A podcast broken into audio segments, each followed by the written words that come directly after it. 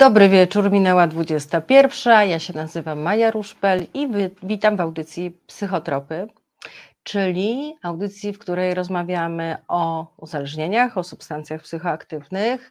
Psychotropy, czyli jakby tropimy różne tajemnice psychiki, żeby lepiej zrozumieć samych siebie, e, żeby też osoby, które nas słuchają, jeśli potrzebują pomocy, to wiedziały, że mogą ją uzyskać i żeby lepiej mogły rozumieć problemy, na które cierpią. Duży nacisk w tej audycji kładę na rozmowy właśnie o uzależnieniach, ale często uzależnienie jest połączone z innym zaburzeniem albo jest wynikiem innych problemów, więc o samym tylko uzależnieniu nie da się w tym kontekście rozmawiać.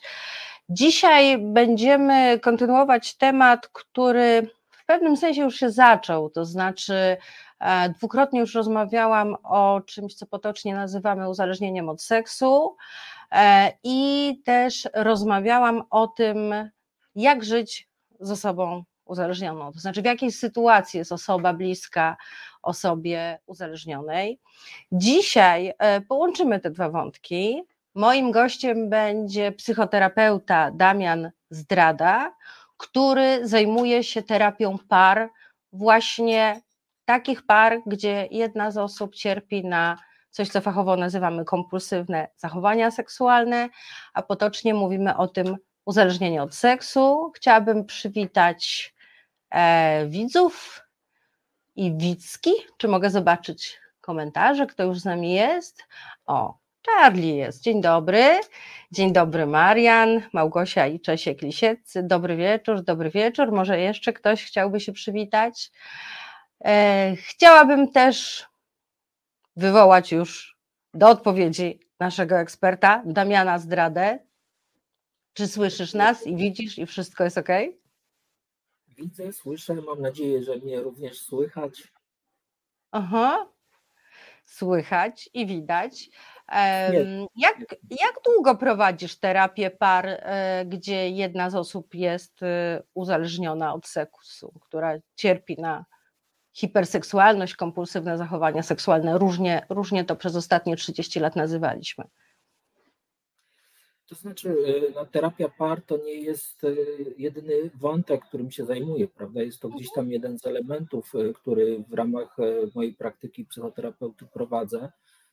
Oczywiście zdarza się tak, że pojawiają się sytuacje, kiedy prowadzę terapię pary, Natomiast to, no, no, i terapię pary, i terapię czasami osób, e, które właśnie są partnerami osób e, z hiperseksualnością, a oczywiście też i osób uzależnionych od seksu, e, jeszcze całą gamę innych różnych problemów, no ale dzisiaj oczywiście rozumiem, że skupiamy się głównie na tej hiperseksualności, o tym. Tutaj jakoś spróbuję tak. coś powiedzieć.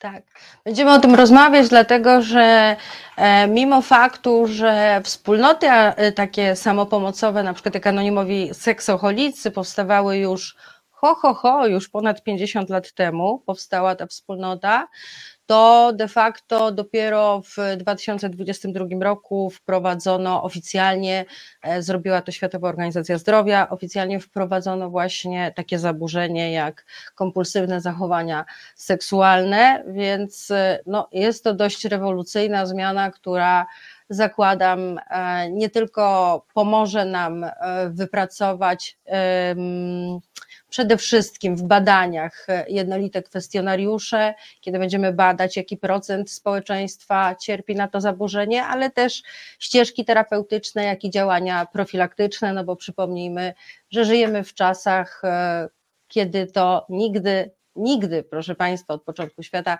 nie była pornografia tak łatwo dostępna, a oglądanie pornografii i masturbacja to jest jeden z głównych przejawów tego uzależnienia od seksu. Czekamy na Wasze pytania. Patrzę, kto do nas dołączył. Katarzyna, Piotr Strychalski oczywiście. Dobry wieczór. Alfa i Omega. To wcześniej nie miałam okazji poznać. Dobry wieczór. Kto tu jeszcze z nami jest? Jeszcze Alfa i Omega pisze, boję się tych audycji, bo wciąż dowiaduję się czegoś nowego na swój temat. No nic, zobaczymy, jak będzie tym razem. Słuchajcie, jeśli macie pytania do naszego gościa, Damiana Zdrady. A, Damian, jeszcze jedna sprawa.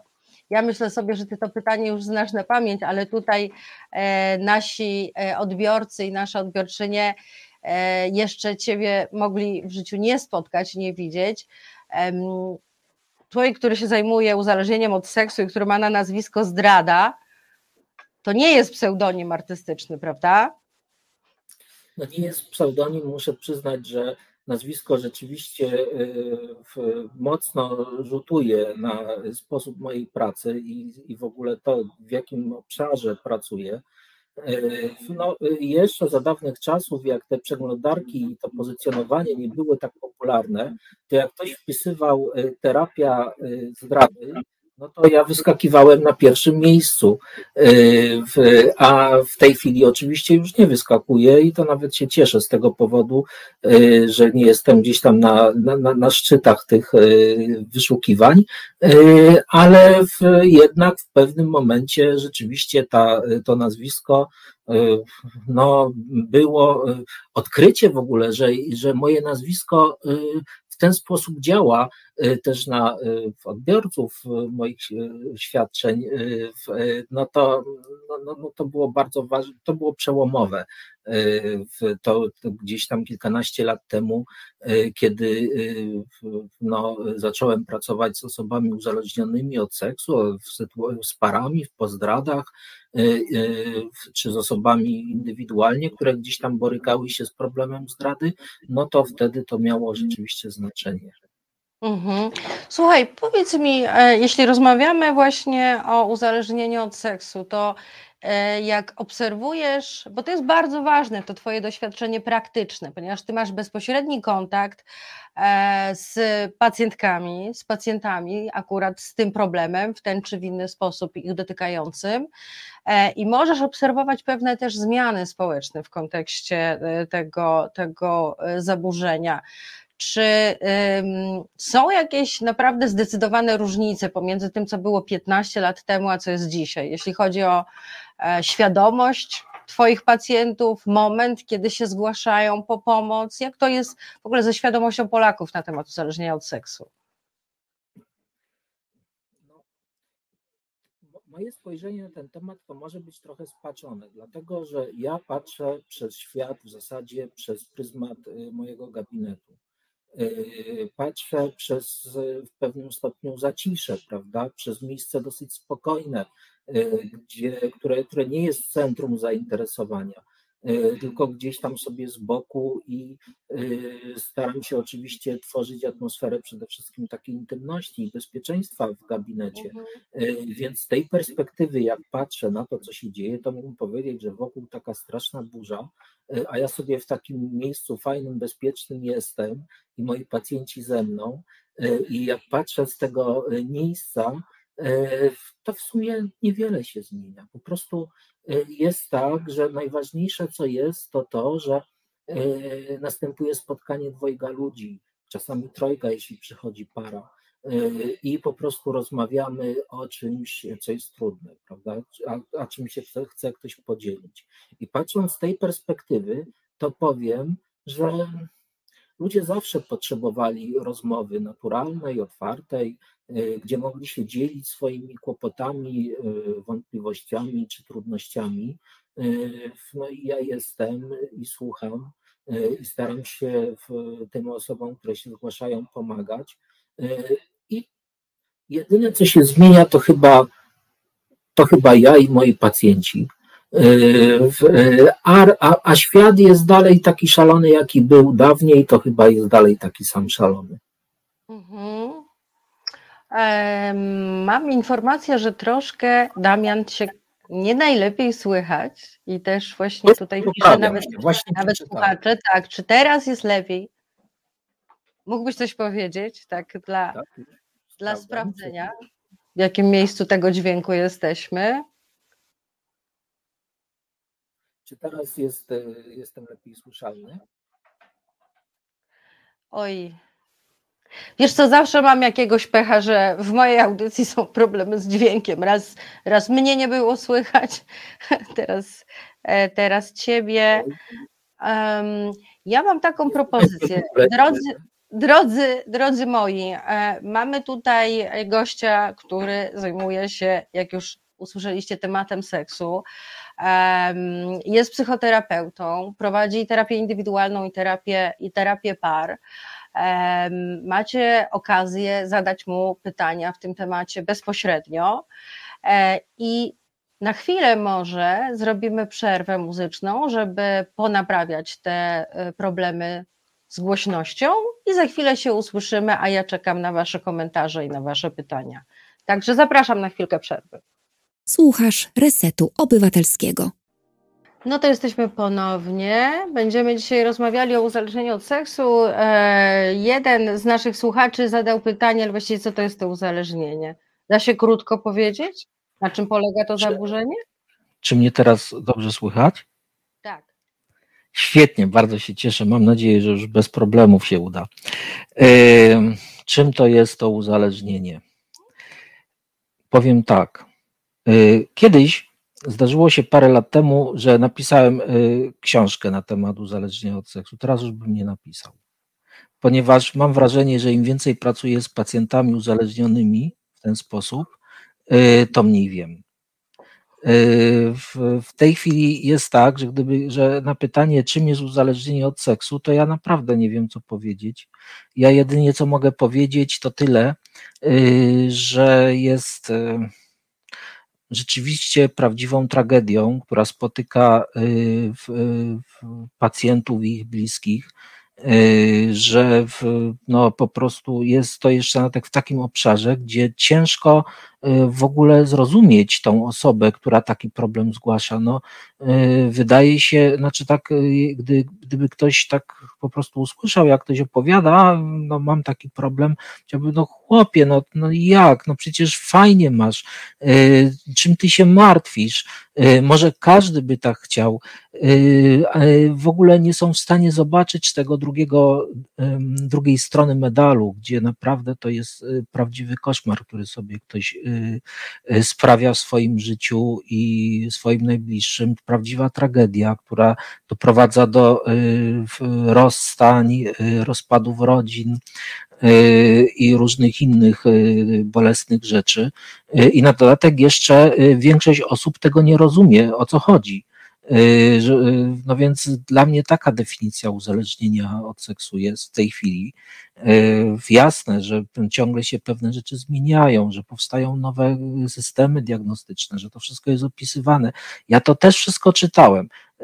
Te książki, mnóstwo książek po polsku, angielsku, no po prostu wszystko, wszystko starałem się pochłaniać, myśląc sobie, że gdzieś tam na pewno jest napisane coś, co im pozwoli to głębiej zrozumieć. E, i jakoś może nawet lepiej pracować. Szczególnie, że no naprawdę no, no słyszałem, jak ludzie opowiadają o sobie, no i e, na, naprawdę chciałem coś zrobić. E, no i czytam, czytam, a tu nic. Po prostu każdy kolejna koncepcja, każdy kolejny pomysł, jaki się pojawiał, po prostu sprowadzał mnie na jakieś manowce. Aż pewnego dnia rzeczywiście w jakiejś książce przeczytałem, takie zdanie, że wszystkie teorie i koncepcje to są tak naprawdę e, jedynie pewnego rodzaju intelektualizacją, pewnego rodzaju racjonalizacją na temat jakichś zaburzeń. I tak sobie pomyślałem, no, chyba ktoś napisał w końcu coś mądrego. Yy, chyba rzeczywiście tak jest, że większość tych koncepcji i teorii to tak naprawdę jedynie po prostu jakiegoś rodzaju pomysł, który mm, yy, jest to pewien, jest to taka, taki pryzmat, przez który ktoś patrzy na ten problem i może tej osobie, jeśli to na przykład jest psychoterapeuta, takie spojrzenie pomaga, że jest jej narzędziem do pracy, ona go używa tego narzędzia i stara się y, w, na, na, na, tej bazie pracować ze swoimi pacjentami. Y, natomiast jeśli bierze to ktoś inny, no to może to być inspiracją, może to być jakimś tam chwilą, chwilą a pójdę sobie tak jak ta osoba idzie i zobaczę jak to jest, ale docelowo y, to nie zadziała. Wejdę Ci w słowo, bo myślę, że, że nie obędziemy się niestety bez pewnego rodzaju konkretu. e, ja rozumiem e, to, to, co ty powiedziałeś, że im dłużej pracujesz, tym tak naprawdę masz poczucie, że, że mniej wiesz, co myślę sobie, że akurat w zawodzie psychoterapeuty jest czymś zupełnie naturalnym, prawda? Bo poznajemy coraz więcej ludzi i widzimy, że za każdym razem to jest E, indywidualność, osobowość, że po prostu nie da się schematami leczyć ludzi, tak, terapeutycznie, tylko za każdym razem trzeba podchodzić indywidualnie e, i coś, co się wydaje na przykład na początku problemem, później się okazuje, że nim nie jest, że właściwie tak naprawdę coś innego się działo, nie? Albo odwrotnie. Albo tak, ale nie unikniemy tutaj na użytek rozmowy, która się dzieje jednak e, no, w mediach, pewnych uproszczeń. I ja pamiętam, jak doktor Woronowicz pytany właśnie o to, co to jest uzależnienie, to on to powiedział w dwóch zdaniach, że to jest coś, co zachowanie, które się powtarza i to zachowanie nam szkodzi. A pomimo tego, że szkodzi, to my je dalej powtarzamy. Tu chyba nie da się prościej. Absolutnie się pod tym podpisuję. E, doktor Woronowicz e, naprawdę potrafi w zwięzły sposób pewne rzeczy ponazywać. Zgadzam się z tym, e, ale dodałbym jeszcze jedno. Powtarza, szkodzi i jest źródłem cierpienia. Mhm. Zdecydowanie. I teraz przechodząc do tego uzależnienia od seksu, czy to oznacza, że osoba powtarza jakieś zachowania seksualne? Tak? Tak, tak. Y, powtarza pomimo y, różnych prób y, zatrzymania tego. Oczywiście jest cała gama różnych zachowań, które mieszczą się w tej kategorii zachowań kompulsywnych, zachowań seksualnych. No, tak, najczęściej możemy mieć do czynienia z y, pornografią, masturbacją, ale również z jakimiś seksrandkami, z seksem y, wirtualnym, cyberseksem, seksem jakimś przypadkowym absolutnie, no, no, no po prostu wszystko to, co mieści się w ogóle w yy, takich, yy, no, no w behawiorze seksualnym, no to, no to generalnie to, to wszystko może być źródłem, znaczy może być powtarzalne i może rzeczywiście stanowić problem, żeby to zatrzymać i przestać to robić. Mhm. Mamy tutaj, nie wiem, czy widzisz komentarze, które mówią nam nie o tym, jak bardzo jest y, duże zamieszanie wokół tego tematu i jak um, tak naprawdę jednak, y, jeśli chodzi o uzależnienie od seksu, jest więcej wyobrażeń na ten temat niż wiedzy, bo na przykład Waldek pisze, uzależnienie od seksu to chyba błogosławieństwo. A, a Charlie pisze, a może to nie uzależnienie, a szukanie odpowiedniego kwiatka. Potem Waldek pisze, ty jesteś uzależniona, on jest uzależniony, kochacie się non-stop. Czy to jest źle? Wiesz, to jest znowu taka sytuacja, kiedy um, ja się z tym wyobrażeniem też spotkałam, że, e, że uzależnienie od seksu to jest posiadanie bardzo bujnego, intensywnego, ekscytującego, ciekawego, namiętnego życia seksualnego. A my wiemy, że tak nie jest, prawda? Nie jest tak. Po prostu jest tak, że y, seksualność y, u osoby uzależnionej od seksu tak naprawdę jest bardzo skąpa. Jest bardzo, y, nie, nie jest taka rozwinięta, jakby się nam mogło wydawać, jak sobie wyobrażamy. Pamiętam terapię jednego pana, który po który w wieku 40 lat, po kilku latach terapii, powiedział: końcu miałem prawdziwy seks. Zobaczyłem, jak to jest naprawdę przeżyć seks y, z kobietą. Y, on, to, co wcześniej y, przeżywał, to było po prostu jedynie podporządkowane pewnym schematom, napięcia, ulgi i to wszystko. Nie było tam dostępu do takich obszarów jak intymność, bliskość, jakieś zrozumienie. To, mm, to, to, to, to u osób kompulsywnie realizujących te zachowania seksualne, to jest obszar, o którym oni nie wiedzą, że jest. Ich seksualność jest bardzo niedojrzała i oprócz tego mechanizmu napięcie ulga niewiele jest tam więcej. no, no tak, także ciężko powiedzieć, że to jest jakieś różnorodne, bujne, fascynujące życie seksualne, aczkolwiek jest tam pewna emocja, która jest bardzo mocno rozwinięta, a mianowicie ekscytacja. Ekscytacji tam jest wiele. Aha, okej, okay. czyli można powiedzieć, że ekscy... no tak, to, to w tym jednym się akurat y, to, co ja powiedziałam, że, że chyba takie życie nie jest seksualne, to tutaj jednak jest, tak, pełna ekscytacji, jak rozumiem, nowych, nowych doznań albo jakichś e, skrajnych do, do, doświadczeń, prawda? Um, no bo um, żeby była ekscytacja, to, to musi być coś nowego, prawda? To nie może być rutyny.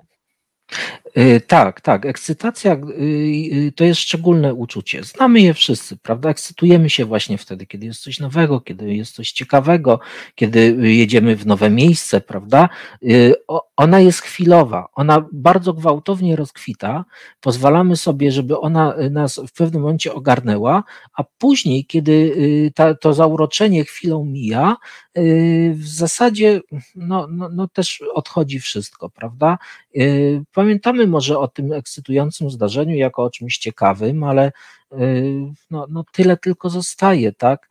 Y, ekscytacja jest bardzo potrzebna często osobie uzależnionej od seksu, właśnie w, y, wtedy, kiedy na przykład tworzy nową znajomość gdzieś na portalu społecznościowym, albo wtedy, kiedy już się umawia na randkę, albo wtedy, kiedy dochodzi już do jakiejś, no, no już jakoś tam do realizacji tej sytuacji.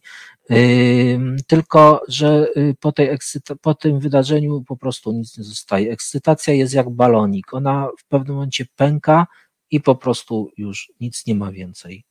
No właśnie tutaj mam wrażenie, że Katarzyna Sacha dobrze napisała poziom ekscytacji max, a potem i tak niespełnienie, prawda? Że to jest taki, jakby się miało dziurę w sobie, prawda? I to przez tą dziurę e, wszystko przepływa, nie, nie można się nasycić, nie, nie można znaleźć spełnienia, satysfakcji. Tak. tak? Tak, mhm. tak, no, no, no właśnie tak to jest. Yy, nie można się nasycić, dokładnie. Yy, to jest yy, wieczny taki głód, prawda? Pragnienie, żeby w końcu coś się stało, coś więcej niż tylko to, co było do tej pory. Może to będzie tym razem, ale jeśli to jest tylko ekscytacja, to pozostaje faktycznie niespełnienie cóż może wypełnić tą pustkę, prawda, którą ktoś ma tam w sobie. Mhm. Co by to musiało się stać?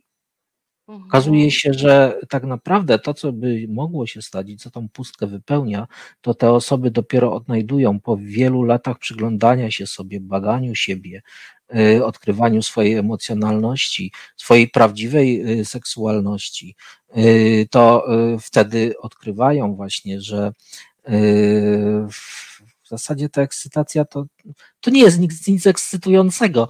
E, to, to, to są dużo inne, ciekawsze e, e, doznania, które można zdobywać w doświadczeniach swoich seksualnych. Ekscytacja jest fajna dla ludzi, tak, ale nie jest najważniejsza. Mhm. Mhm.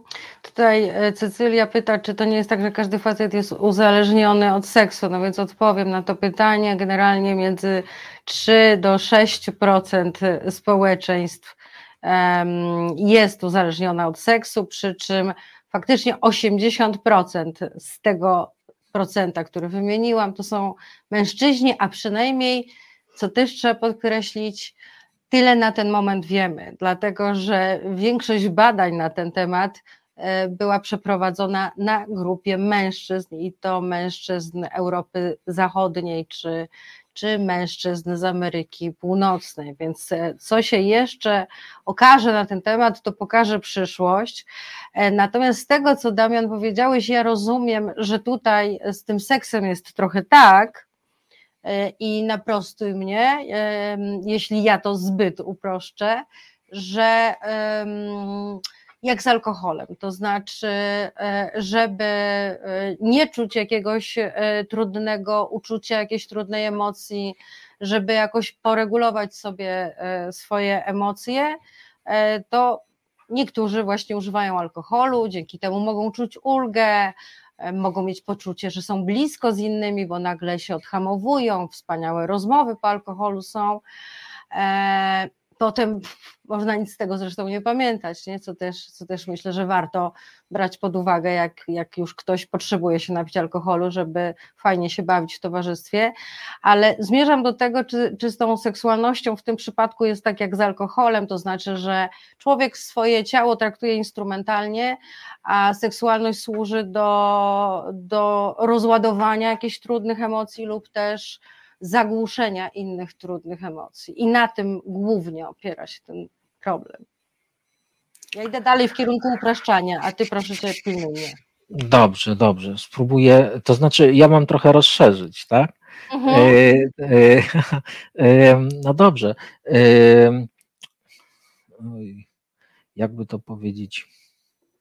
W zasadzie to seks. Tak, do regulowania seks, emocji to go używać, tak jak e, alkoholu ludzie używają.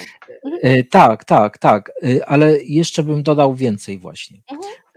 że u seksoholika możliwe, że seks służy temu, żeby nie czuć pobudzenia seksualnego, żeby tak, tak, że, że, żeby Y, tak naprawdę seks u seksoholika pełni zupełnie inną funkcję niż u osoby, która y, zdrowo y, funkcjonuje w obszarze seksualności. Mhm. W pewnym sensie można powiedzieć, że u osoby kompulsywnie uprawiającej seks przeżywanie napięcia seksualnego jest bardzo trudne. Jest do tego coś jeszcze dodane.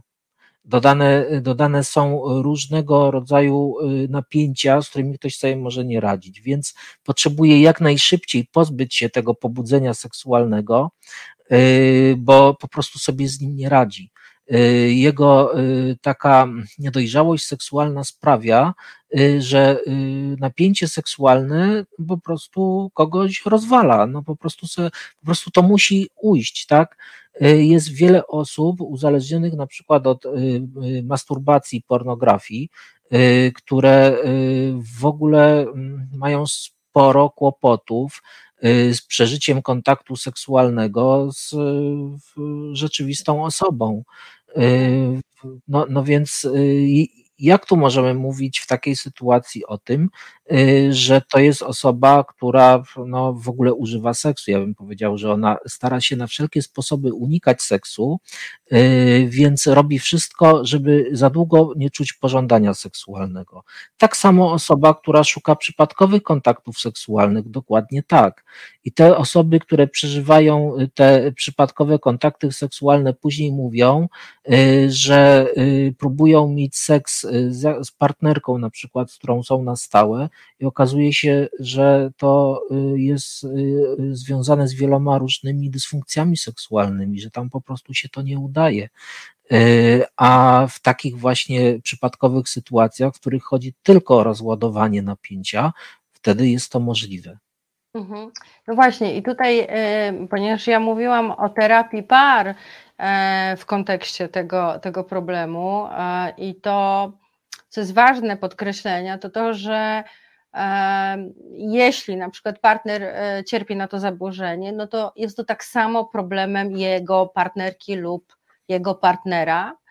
E, I teraz e, mm, wyobrażam to sobie w ten sposób, że pierwsza rzecz, która się dzieje, to jest taka, jakbyśmy się na przykład zabawili, że ja przychodzę do ciebie na terapię, bo coś jest nie tak w moim związku i um, widzę wyraźnie, że seksualnie ja nie interesuję tego mojego partnera, natomiast już kilka razy przyłapałam go na tym, że prawda, zaspokajał się oglądając, oglądając pornografię w, w internecie. Podaję ten przykład, dlatego że to jest, jeden z, jest to jedna z najczęstszych sytuacji akurat przy tym, przy tym zaburzeniu.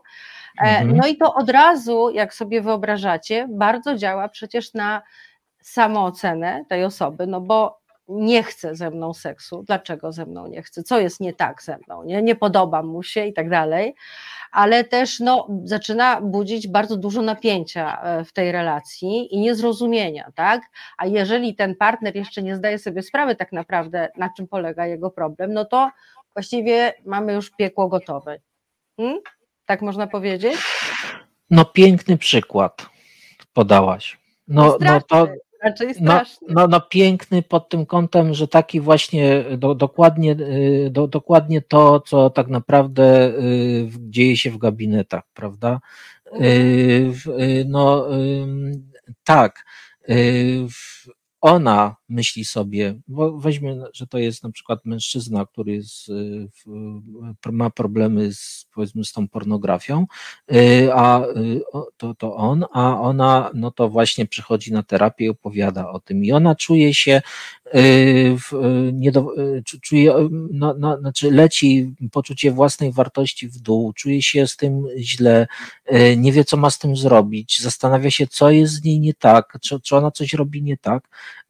I to jest jej perspektywa. A gdyby popatrzeć na jego perspektywę, to z jego perspektywy jest, czy ja sobie dam radę, czy ja to w ogóle mogę zrobić, y, czy okaże się, y, że y, jestem jakiś słaby fight łapa albo coś i ona popatrzy na mnie krytycznie, albo mnie oceni, albo mnie zostawi i on przeżywa takie samo piekło w, swojej głowie, raz by to będzie ro- próbował rozła- rozładować za pomocą pornografii, innym razem powiedzmy będzie siedział przy grach komputerowych, starając się opóźnić sytuację pójścia do łóżka.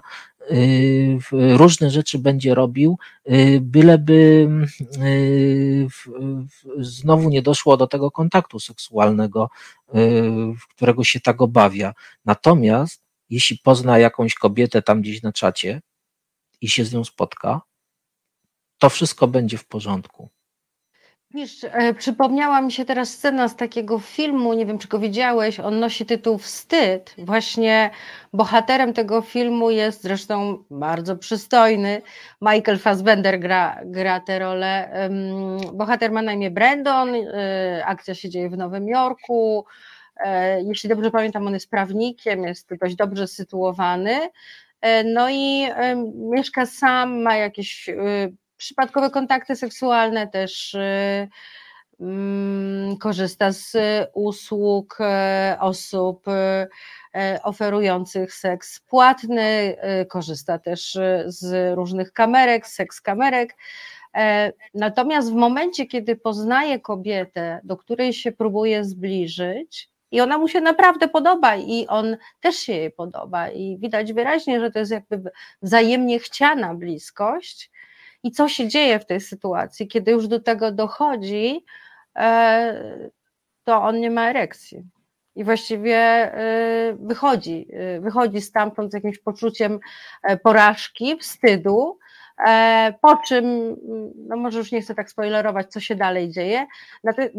Chcę tylko dodać, że w tych kontaktach seksualnych, właśnie na przykład przypadkowych, gdzieś w jakimś barze nocnym, nie ma tego problemu. Ten problem był wtedy, kiedy pojawiła się bliskość. Tak, tak. No bo tam gdzieś w tych barach, w innych sytuacjach, no to jest ekscytacja, tak? I ona go prowadzi gdzieś tam przez te sytuacje. To nie chodzi o to, żeby rozwijać relacje, nie chodzi o to, żeby budować bliskość, yy, tylko chodzi o przeżycie czegoś ekscytującego.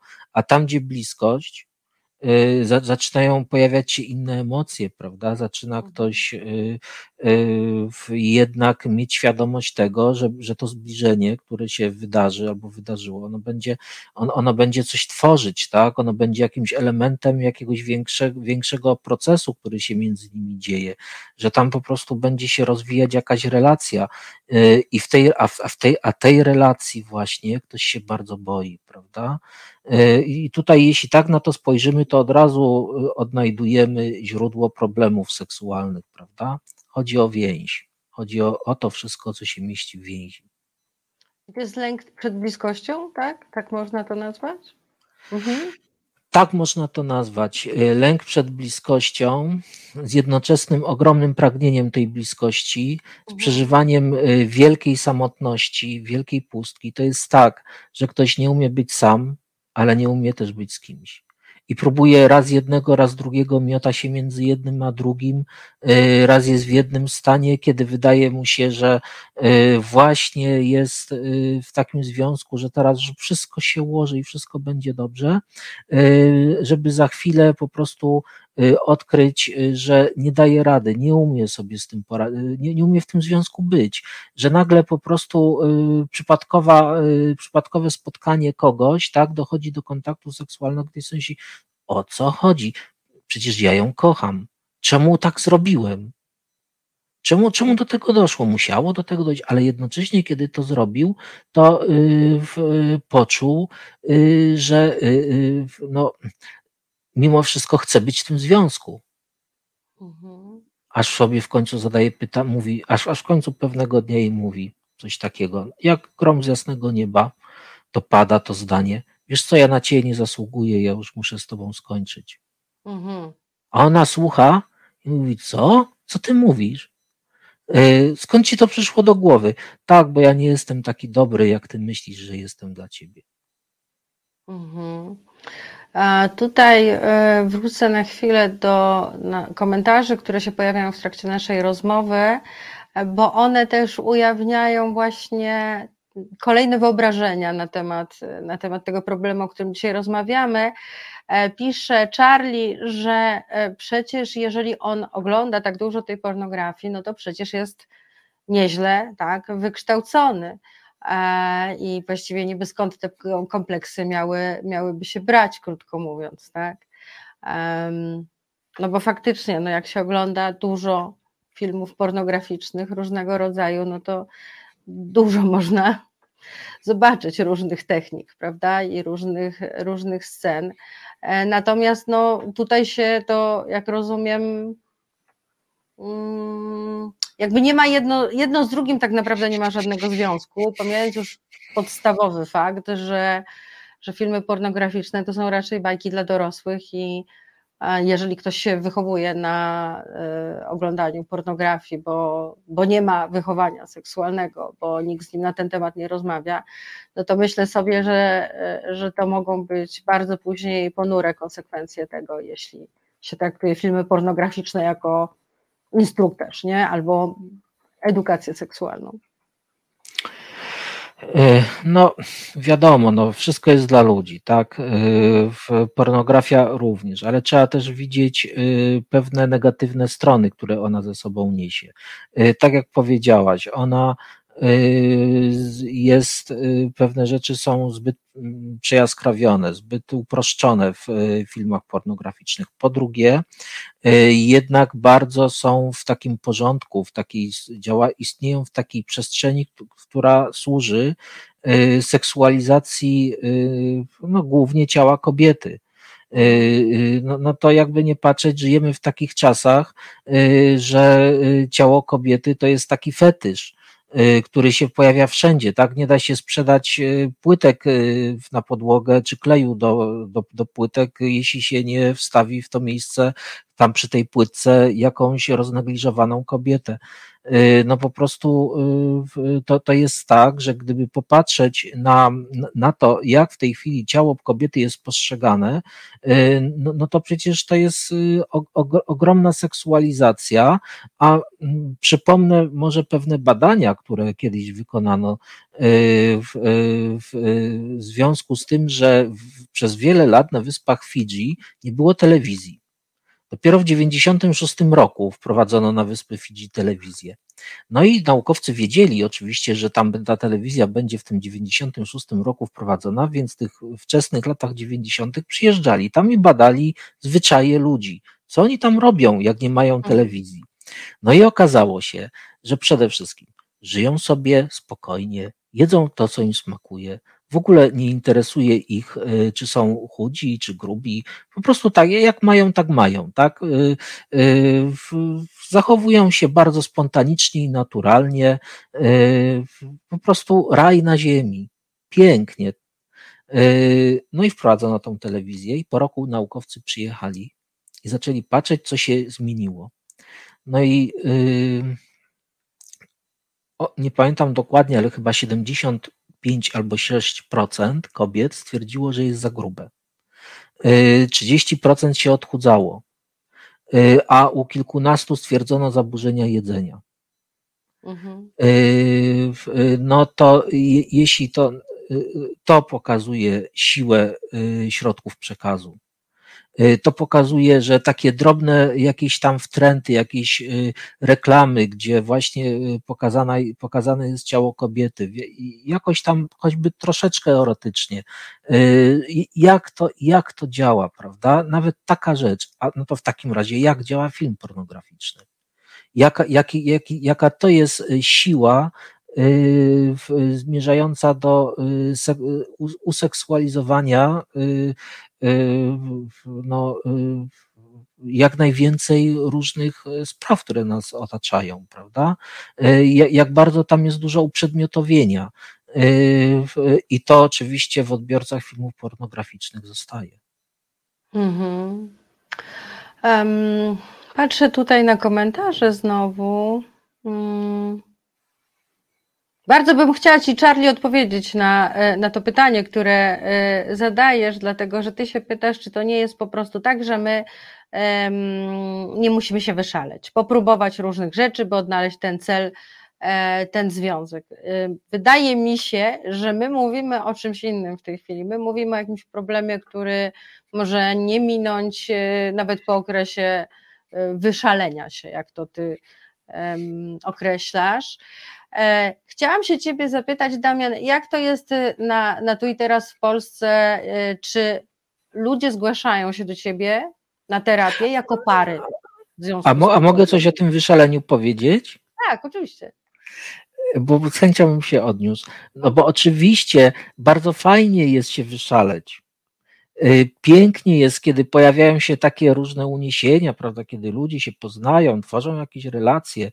Y, I tylko, że osoba, której rozwój przebiega prawidłowo, ma tak, że kiedy minie ten okres wyszalenia, na przykład kiedy zaczyna y, być w związku z tym w jakimś trwałym związku, to akceptuje to, tak, że się zmienia też jej podejście do seksualności w tym związku, że to zaczyna już być coś innego, że już może nie chodzi o to tylko, żeby się wyszaleć, ale też o to, żeby coś nowego tworzyć, prawda?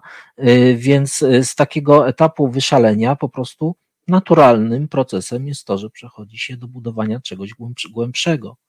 Więc jak najbardziej. Y, jeśli ktoś y, pyta, czy, czy, czy można się wyszaleć, to powiem, no, jak ktoś chce, to, to niech się wyszaleje, ale, y, ale, ale też trzeba widzieć, że jest to pewien proces, że za tym jest kolejny etap, gdzie przychodzi właśnie bliskość, czas na bliskość, czas, czas na intymność, czas na pogłębianie relacji i, no, no i wszystko, co się z tym wiąże. Mhm. Um, opowiedz proszę więcej, jak wygląda um, taka sesja terapeutyczna pary, dlatego że wyobrażam sobie, że ludzie, którzy nas oglądają, e, mogą, niektórzy z nich odnajdywać e, to, o czym my tutaj mówimy w swoim życiu. Natomiast e, pójście do psychoterapeuty jest nadal w Polsce obwarowane niestety wstydem.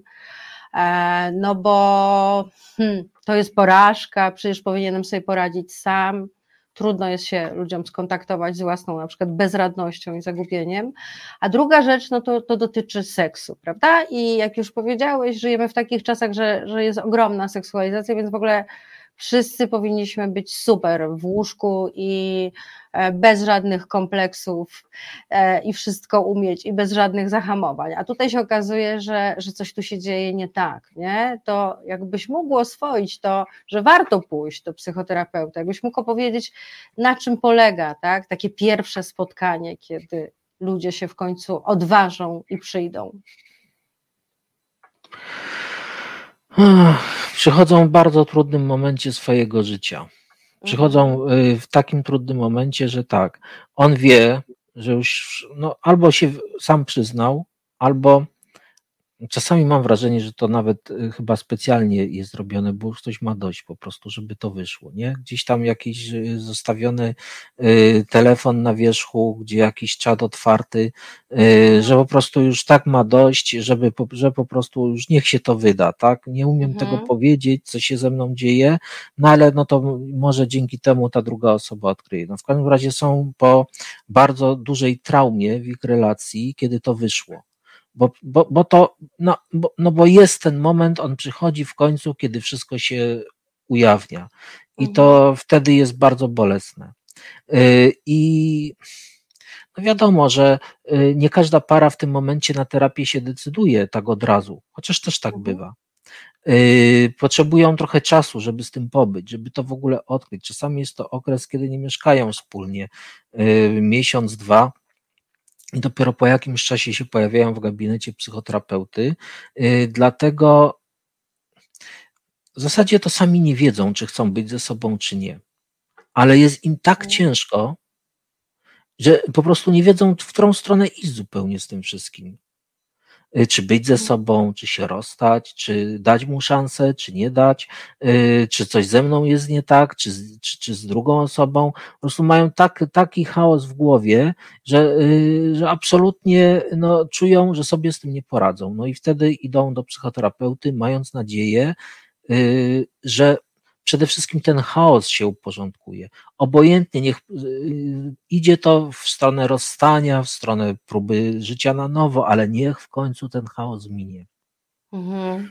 No wyobrażam sobie, że, że dużo po prostu lęku, tak, potwornie dużo lęku e, u tych ludzi, przeżywają bardzo dużo lęku i też, jak rozumiem, u Ciebie szukają tej ulgi, prawda, żebyś spróbował im ten świat jakoś wytłumaczyć, uporządkować, tak, opanować. Mhm. Tak, tak. No taka te psychoterapia to jest nic innego jak coraz bardziej precyzyjne i takie trafne y, nazywanie tego, co się dzieje. Y, porządkowanie tego, mówienie, to jest to, to jest to, a tutaj jest to, a to jest odwet, a to jest y, poczucie winy, a to jest posypywanie niepotrzebne głowy popiołem, a to jest niepotrzebne wkładanie komuś tego popiołu na głowę.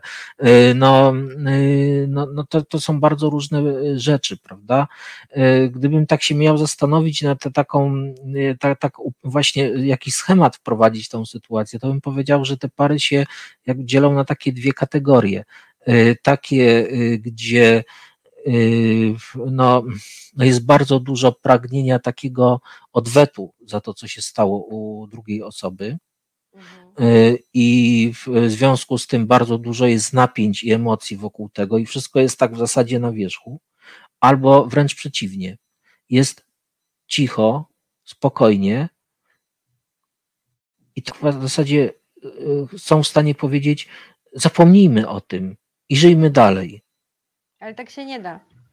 Ani jedno, ani drugie nie jest dobre. Właśnie o to chodzi, prawda? Mhm. Nie da się tak, żeby zapomnieć, to prawda. No. Dużo tutaj widzę komentarzy e, w kontekście mm, wpływu na myślenie o seksualności w Polsce e, Kościoła. E, I cały czas nawiązanie jest do, do braku tak naprawdę takiej rzetelnej, otwartej, pozbawionej jakichś tematów tabu czy wstydu, edukacji seksualnej. E, wydaje mi się, że no w, w, dużym stopniu, jakby to w tym pytaniu, które tutaj pada na czacie, no zawiera się od razu też e, odpowiedź, dlatego że e, dopóki myśleliśmy jako społeczeństwo, tak, jako w ogóle ludzie żyjący na Ziemi, że uzależnienie od alkoholu to jest kwestia braku silnej woli, złego charakteru, tak, e, no to tak naprawdę nie rozumieliśmy tej choroby i nie mogliśmy tym ludziom zwyczajnie pomagać. W momencie, kiedy uzależnienie od alkoholu stało się mm, oficjalnie uznanym zaburzeniem, opracowano programy terapeutyczne, to siłą rzeczy zaczęliśmy więcej wiedzieć na ten temat, zaczęliśmy lepiej to rozumieć i e, dzisiaj, e, drodzy Państwo, na terapię, jeśli chodzi o uzależnienie, bardzo często trafiają już bardzo młodzi ludzie, to znaczy świadomość społeczna w ciągu ostatnich 50 lat się ogromnie zmieniła.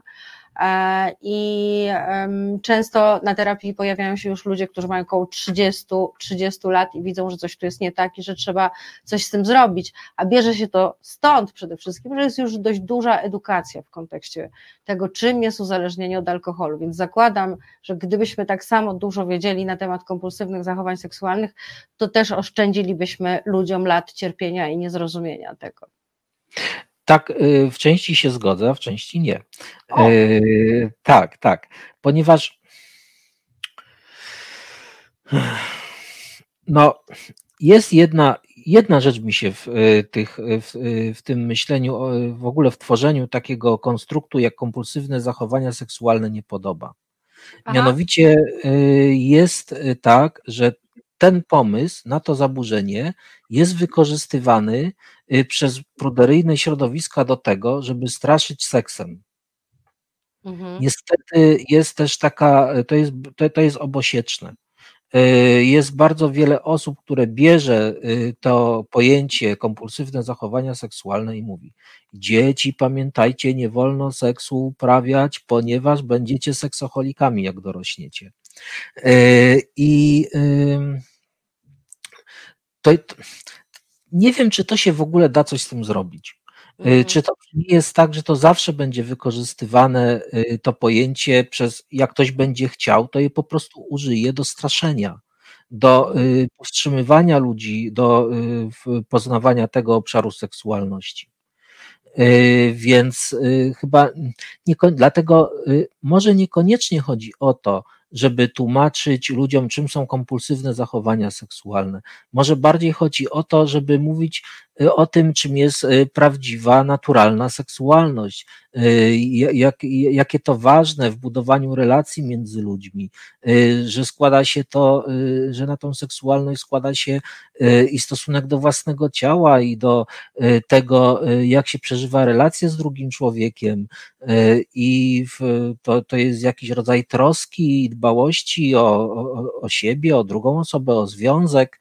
No więc y, myślę, że y, je, jeśli by takie rzeczy mówić, y, no, no, no to, to, to chyba to, to, to, to wydaje mi się bardziej wskazaną profilaktyką kompulsywnych zachowań seksualnych niż mówienie o tym, czym one są, te kompulsywne. Mhm. Okej. Okay.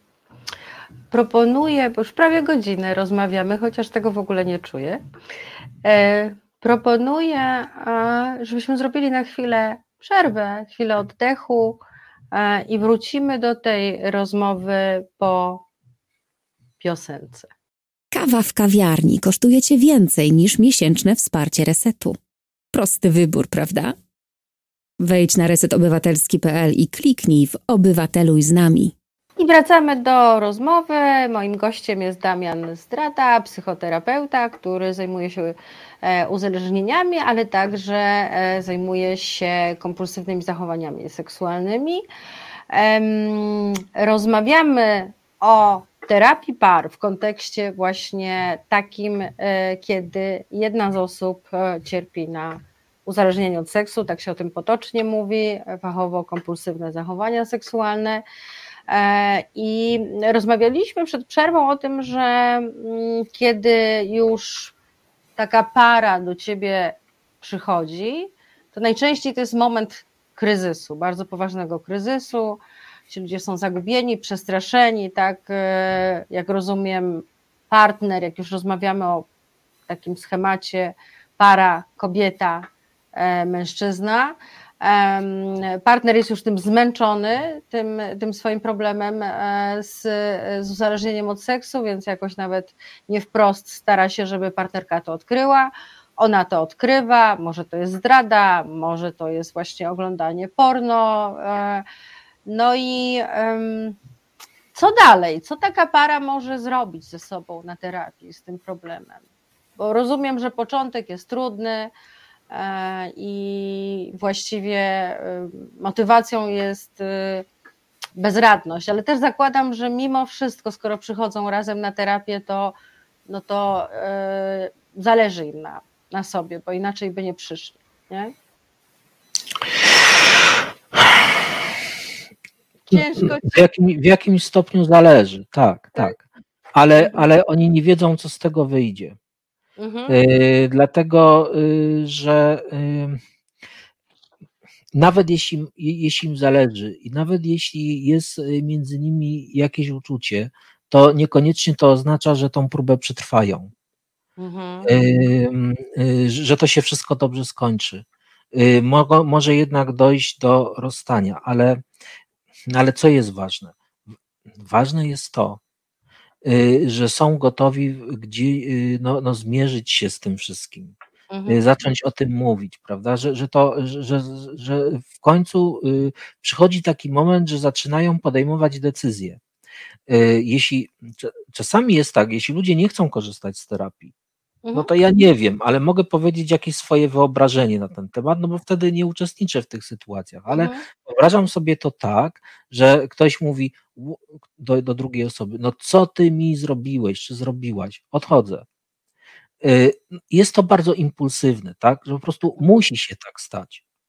Y, Wtedy y, no, jest dużo rzeczy niepokończonych, niezałatwionych. To, to różnego rodzaju emocje, które gdzieś tam w tym wszystkim były, one y, przecież zostają. I co z tego, że ktoś się, y, rozstanie? Y, No po prostu to, to dalej idzie z nim te wszystkie emocje przez życie.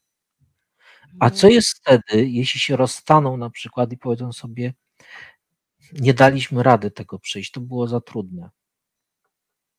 Y, I wtedy są w kontakcie y, z, y, z tym, co się wydarzyło, tak? Są w stanie przeżyć jakąś stratę, żałobę po tym, że ten związek się nie udał.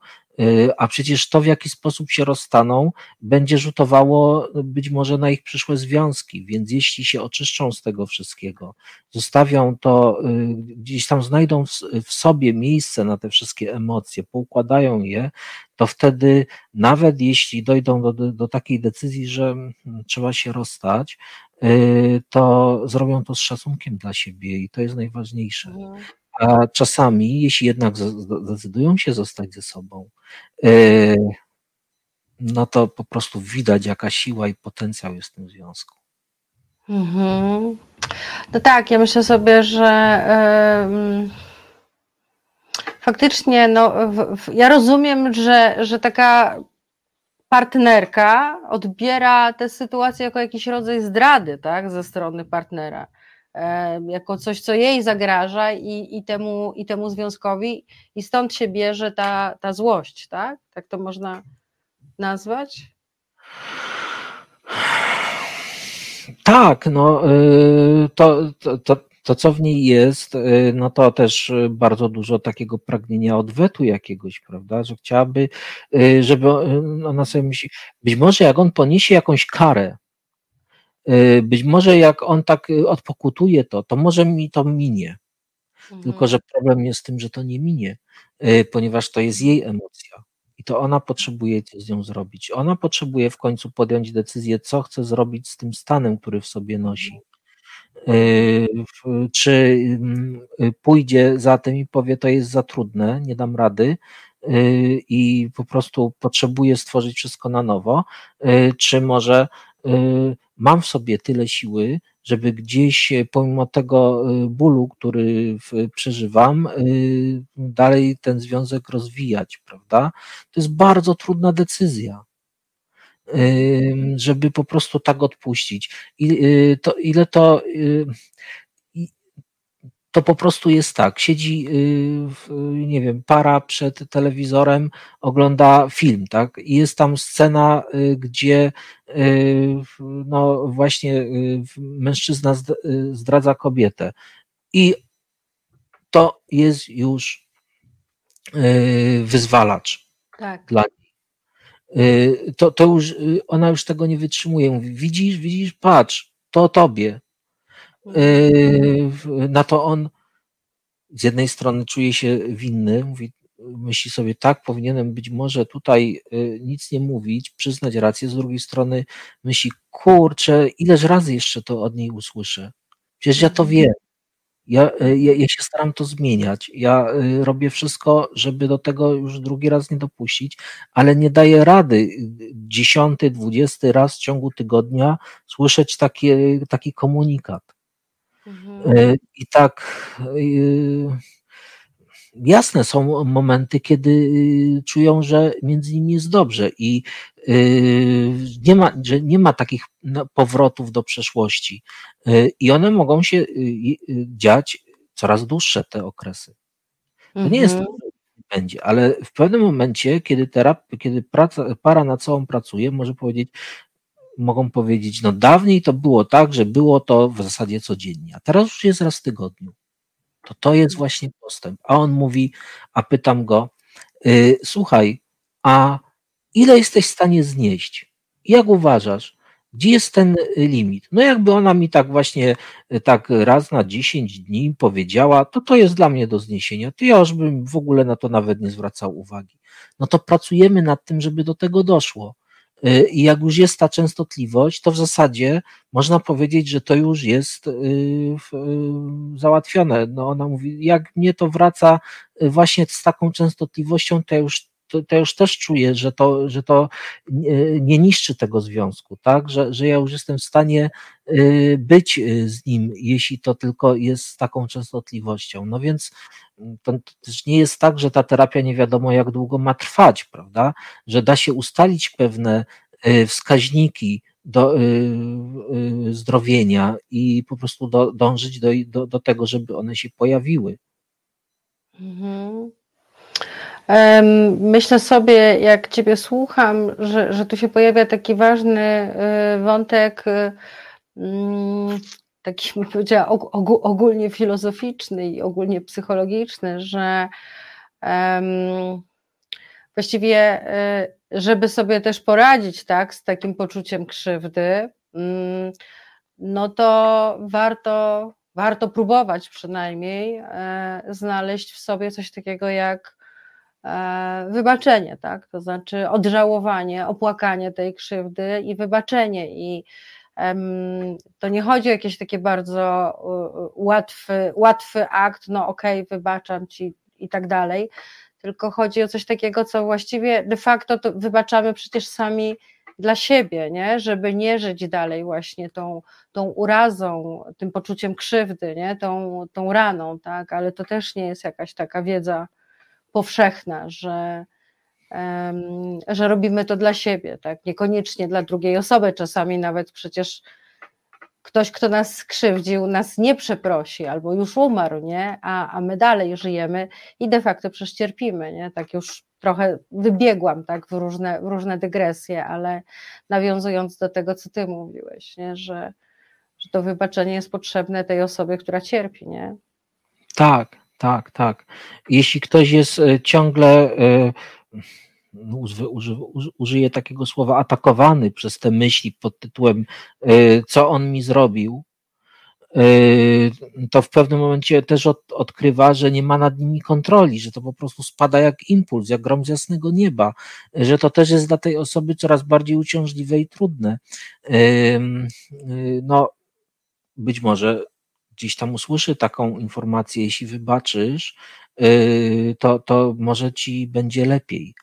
Y, ale raz mi się udało usłyszeć taką wypowiedź pewnej pani. Ona powiedziała: Ja jednak wolę się mścić. Nie wiem, jaką cenę za to zapłacę, nie wiem, ile to mnie będzie kosztowało, ale mam taką dziką satysfakcję, kiedy to robię, że y, y, nie, nie zrezygnuję z tego. Dalej chcę, będę to robić. Mhm. No I tak, treścią życia się potrafi tak, stać. Tak, nie? Tak. Tak, I to trzeba da... było uszanować. To trzeba było uszanować, bo taka była jej decyzja, świadoma, świadoma. Mhm. Mhm. No i znowu się pojawia wątek, czym jest seksoholizm, czy, czy to jest w głowie wryta tendencja do zdrady, czy jak to określa ktoś tutaj, niedobzykanie. No więc e, mm, widzisz, Damian, no nie dość słów ciągle na temat tego, żeby to wytłumaczyć, czym to jest. Tak, ja, ja tam patrzę na ten czat i jejku, jaka tam dyskusja, ile pytań. Y, gdyby tak na nie wszystkie chcieć odpowiedzieć, to normalnie do rana gadamy. Piękne pytania, wspaniałe, bardzo mi się podoba. Ja tam właśnie nie wiedziałem, że to sobie mogę otworzyć. Dopiero tutaj te komentarze otworzyłem, patrzę, a tu takie fajne rzeczy mm, tam piszą słuchacze, naprawdę. Yy, a to w ogóle to sformułowanie niedobzykanie, no to rewelacyjne. Yy, no tak, niedobzykanie. Tak próbuję sobie nazwać nie przełożyć na jakieś takie kategorie y, psychologiczne to określenie. Yy, I powiedziałbym, że tak, że je, można by tak ująć yy, yy, też takim pojęciem seksoholizm, w tym sensie, że po prostu dla e, osoby kompulsywnie e, realizującej różnego rodzaju zachowania seksualne, e, po prostu pełnia seksu nie jest możliwa do przeżycia. On będzie ją szukał, powtarzał, starał się mieć, wierzyć, że gdzieś to w końcu przeżyje. Czasami przez to wchodzi w ilość, a zapomina, że tak naprawdę to można to zrealizować że, że, że najlepszym, najlepszą przestrzenią Y, do głębokiego i udanego seksu jest trwały związek. Mhm. Tak, pamiętam jak kiedyś Wojciech Eichelberger powiedział takie zdanie, że e, jeśli e, będziesz e, miał jedną kobietę w życiu, to tak e, naprawdę jest tak, jakbyś miał wszystkie kobiety świata. A jeśli będziesz miał wszystkie kobiety świata, to tak naprawdę nie będziesz miał żadnej. Nie? Takie, nie wiem, czy to on sam wymyślił, czy, to, czy, to, czy kogoś cytował, już tego nie pamiętam, ale chcę Ci, Damianie, e, powiedzieć, że dużo tutaj emocji Twoja osoba e, wzbudza, bo właśnie Charlie napisał: Gość docenia czat, szacun, to, to do Ciebie. E, Waldek na, na, na Twój komentarz, że tu jest tak dużo pytań, że musielibyśmy rozmawiać do rana, to pisze: Jedziemy do rana, mamy czas. Bardzo, bardzo to miłe z Waszej strony. Bardzo dziękuję. Rzadko się zdarza, żeby ktoś tak. Tak, to są bardzo ciekawe wątki, prawda? Na przykład tutaj też czytam teraz coś o kulturze wierności, prawda? Y, no, no, no właśnie, no na przykład jest takie pytanie, można sobie zadać, czy, czy należy być, czy w ogóle w życiu to tak należy, czy to w ogóle jest jakaś zasada, norma, że należy być wiernym, prawda? Y, no, no, ale jest odpowiedź oczywiście. Y, na wszystkie. Wiernym sobie. Na wszystkie pytania jest odpowiedź. To znaczy, y, akurat na to pytanie to znalazł odpowiedź y, ta, profesor Krzystanek, który którego kiedy, kiedyś zadano pytanie, czy, czy, czy można zdradzać związku. On odpowiedział: tak, można, pod warunkiem, że się uzyska zgodę od drugiej osoby. No ale to chyba wtedy już nie jest zdrada. No, to zależy, jakbyśmy tą zdradę też rozumieli, prawda? Yy, no, no jeśli yy, uznamy, że jednak zdrada to jest coś potajemnego, tak, że to się mieści w mhm. jakimś takim ukry, mhm. że to jest taki taj, tajny spisek jakiś, y, no to oczywiście nie będzie, ale być może jest tak, że przecież, może, przecież jest tak, że są osoby, które mogą y, y, realizować swoją seksualność jedynie w związkach wieloosobowych. Mhm. I jeśli to jest ustalone i tak się dzieje, no to, no to przecież tak może być. Y, dlatego y, też ja tak mówię, że y, no nie chodzi o to, żeby wszyscy byli wierni, tylko żeby odkrywali własną seksualność, żeby odkrywali, co jest dla nich dobre, prawda? W jakim kierunku to może iść, jeśli ktoś jest w taki w poligamiczny, no to może lepiej, żeby nie wiązał się z osobą, która ma jakieś przekonania dotyczące monogami, prawda? Żeby też się nie krzywdzili nawzajem. Y, że, że, odkrywanie własnej seksualności to jest bardzo ważna przestrzeń życiowa i czasami tam są bardzo trudne rzeczy do odkrycia. To nie jest mhm. takie proste.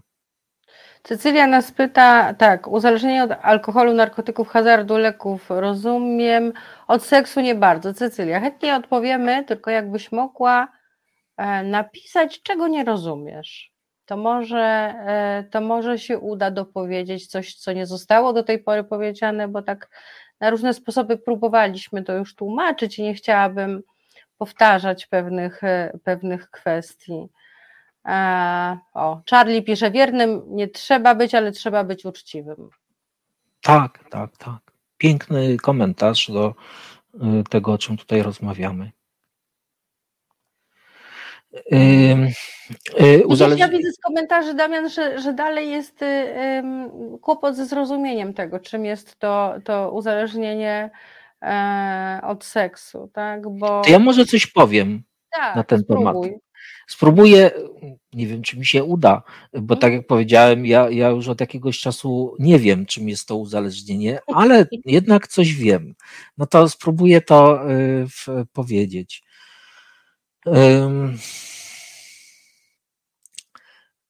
Przede wszystkim uzależnienie, gdybyśmy tak mieli już rzeczywiście go tak bardzo zgłębić naukowo, no to do, dotyczy jednej sfery w naszym funkcjonowaniu, mianowicie układu nagrody. Czyli po prostu w mózgu. A dokładnie gdzieś tam w podzgórzu na szlaku mezolimbicznym, akurat mówię, żeby sobie nie pomylić, bo Podzgórze to nie miejscowość, a szlak mezolimbiczny to nie nazwa, nazwa trasy samochodowej. No ale gdzieś tam właśnie w mózgu są takie miejsca i wszystko, co może sprawić, że poczujemy nagrodę, może w efekcie prowadzić do uzależnienia. Czyli oczywiście substancje psychoaktywne bardzo łatwo uruchamiają ten układ nagrody, y, ale również zachowania. Najbardziej znanym uzależniającym zachowaniem jest y, uprawianie hazardu, y, ale również tak samo uzależniać może na przykład jedzenie. Są ludzie, którzy mają po prostu że aż przymus, prawda, jedzenia na przykład w sytuacji stresowej ale no to w takim razie, gdybyśmy się zastanowili nad seksem, no to przecież widzimy, jaka to jest potężna dawka y, pozytywnych emocji, jaka to jest silna nagroda.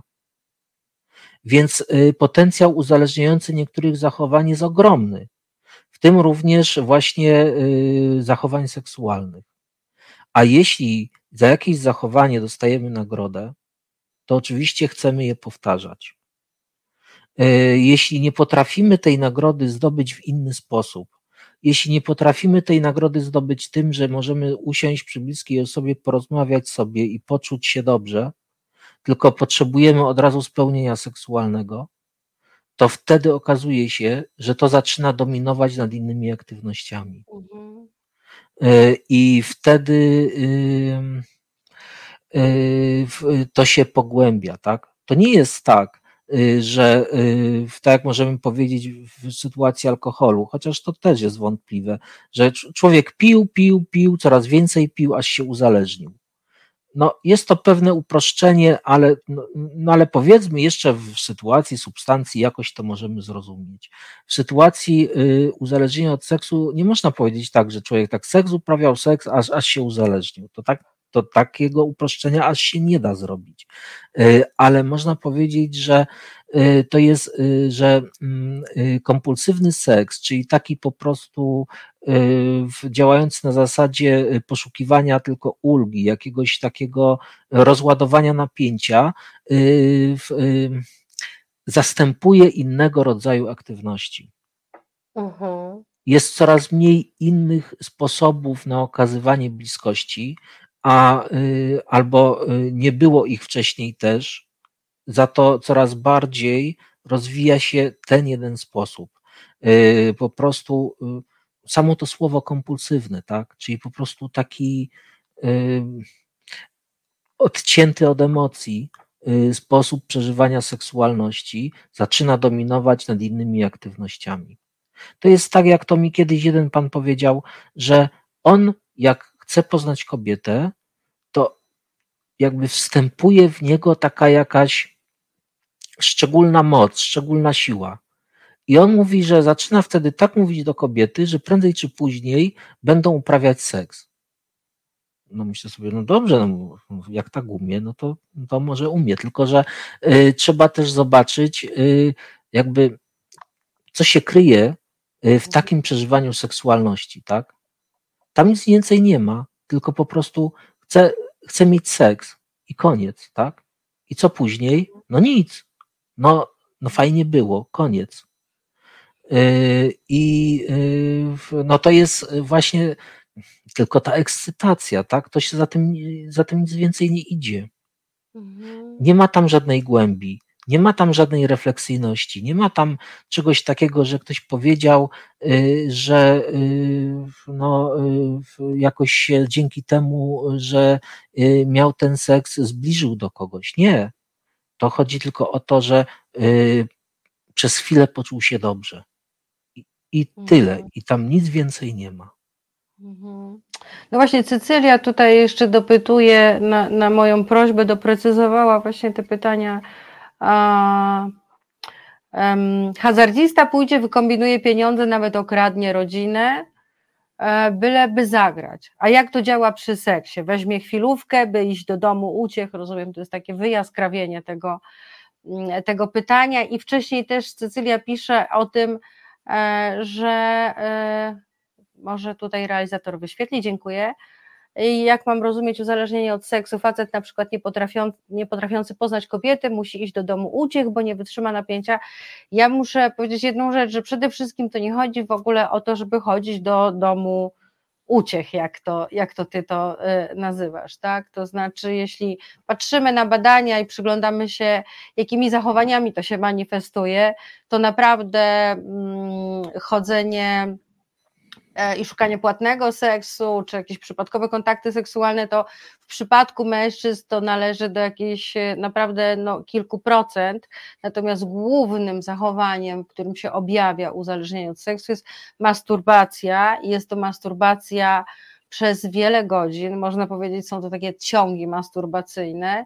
Jest to masturbacja przy pornografii. Bardzo często jest to akt samotny zupełnie. O, to chciałam doprecyzować. Może ty coś, mhm. Damian, chciałbyś.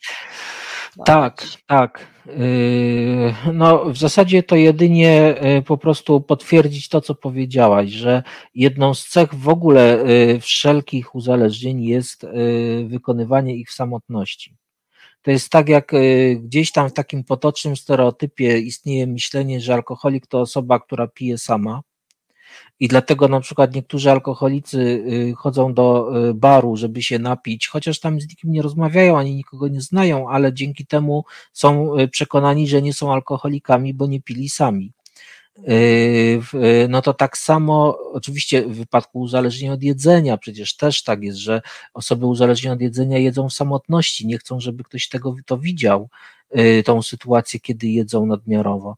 Y, no oczywiście tak samo w wypadku uzależnienia od seksu, tak będzie, y, że bardzo duża część z niego będzie wykonywana samotniczo. Tak. Że to właśnie dlatego będzie głównie masturbacja i pornografia, ewentualnie jakieś wykorzystanie z kamerek. I, i i nawet jeśli będzie dochodziło do jakichś kontaktów seksualnych przypadkowych czy ustalonych, no, no mniejsza z tym, no to, yy, to i tak będzie, yy, to, to i tak będzie pewien wymiar samotniczy tego. Mianowicie to będą takie sytuacje, że one będą w jakiejś tajemnicy, tak? Yy, nie będzie można o nich mówić. Y, one będą potajemne, ukryte. Y, to po prostu jest absolutnie najbardziej skrywaną tajemnicą. Więc ten wymiar jakiś samotniczy też istnieje, tak? Y, co więcej, że te osoby bardzo często już się nie mogą drugi raz spotkać ze sobą, bo po prostu już być może jakieś ślady by się pojawiły i to gdzieś tam by się to mogło ujawnić. Więc to no ten, ten, ten wymiar samotności w uzależnieniach jest bardzo ważny.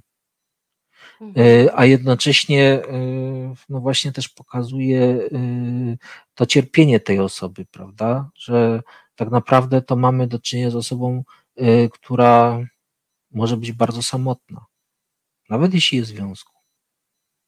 Tak, myślę sobie, że właściwie jak ja obserwuję osoby uzależnione, to taką rzeczą, która mnie najbardziej porusza, to to, jak lepiej poznaję je w trakcie terapii, że to są osoby niezwykle e, samotne, często w ogóle nigdy w życiu wcześniej nie doświadczyły bliskości.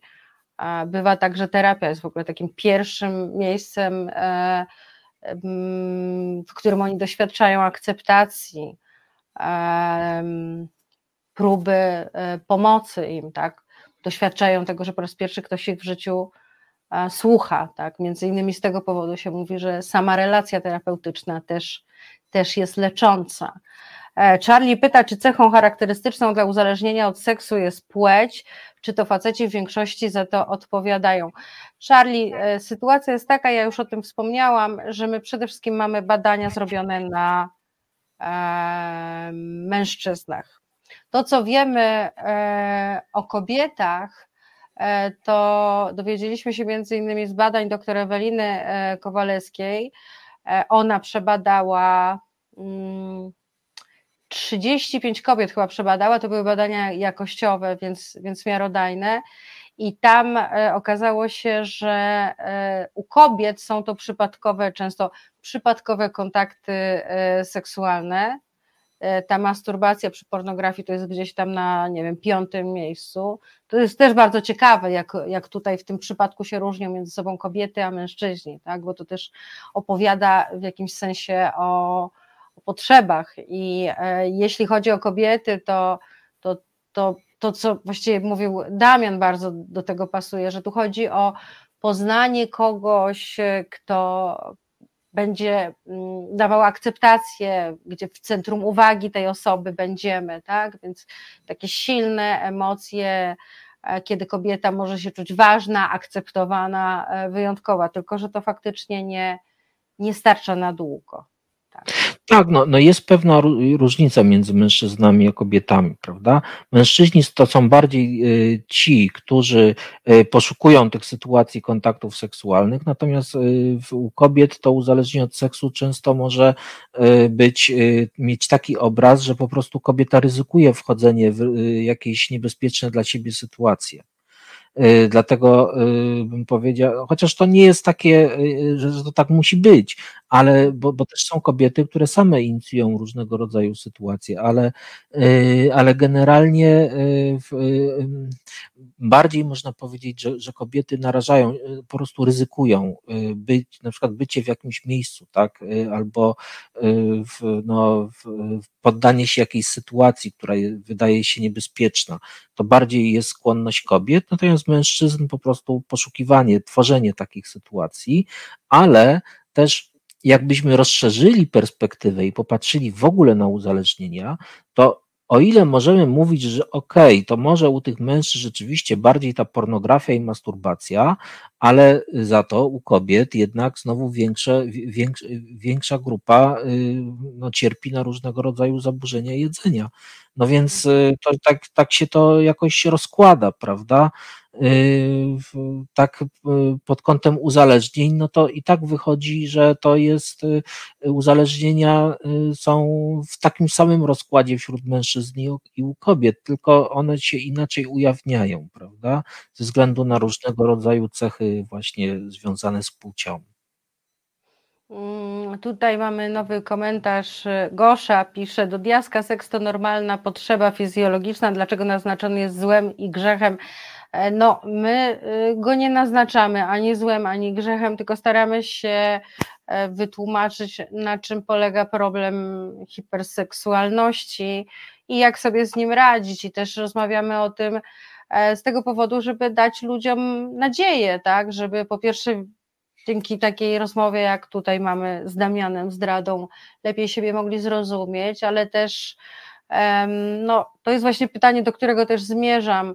E, czy jest nadzieja, krótko mówiąc, jak się pojawia właśnie taka para w kryzysie, bo się okazało, że partner czy partnerka ma taki problem, to e, czy znasz takie sytuacje, że po przyjściu na terapię udaje się ten związek na nowo pozbierać, a może nawet zbudować zupełnie nową jakość, zgodnie z tym, co mówił e, Wiktor Osiatyński, że kryzys to jest szansa. Prawda? Bo w kryzysie często bardzo dużo rzeczy zmieniamy w swoim życiu i dopuszczamy do siebie zupełnie nowe możliwości. On nas mobilizuje często do działania, jeśli nas oczywiście nie, nie przygniecie. Mhm. E, praca nad związkiem to jest, mhm. to, to jest długotrwa, długote, długoterminowa praca. To jest mhm. często też taka praca, gdzie oprócz y, na przykład terapii pary jeszcze jest terapia indywidualna, gdzieś tam się odbywa u mhm. jednego albo nawet u dwóch osób. Że to jest, to, to jest bardzo duża inwestycja w, w tą relację. I jeśli ktoś ją potraktuje priorytetowo, Mhm. to, to dojdzie do dobrego zakończenia. Tylko, że nie zawsze dobre zakończenie to jest utrzymanie związku. Mhm. Właśnie o to chodzi, prawda?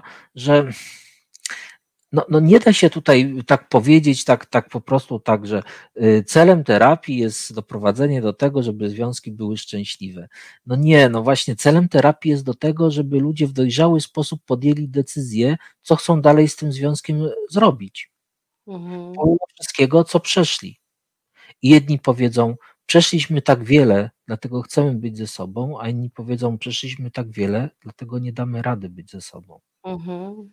E, ale e, no, no, za każdym razem, jeśli dojdzie do tego momentu, że ta decyzja jest podjęta, e, to, no to ja wiem jedno, że weszli na głębszy poziom dojrzałości i odpowiedzialności za swoje życie.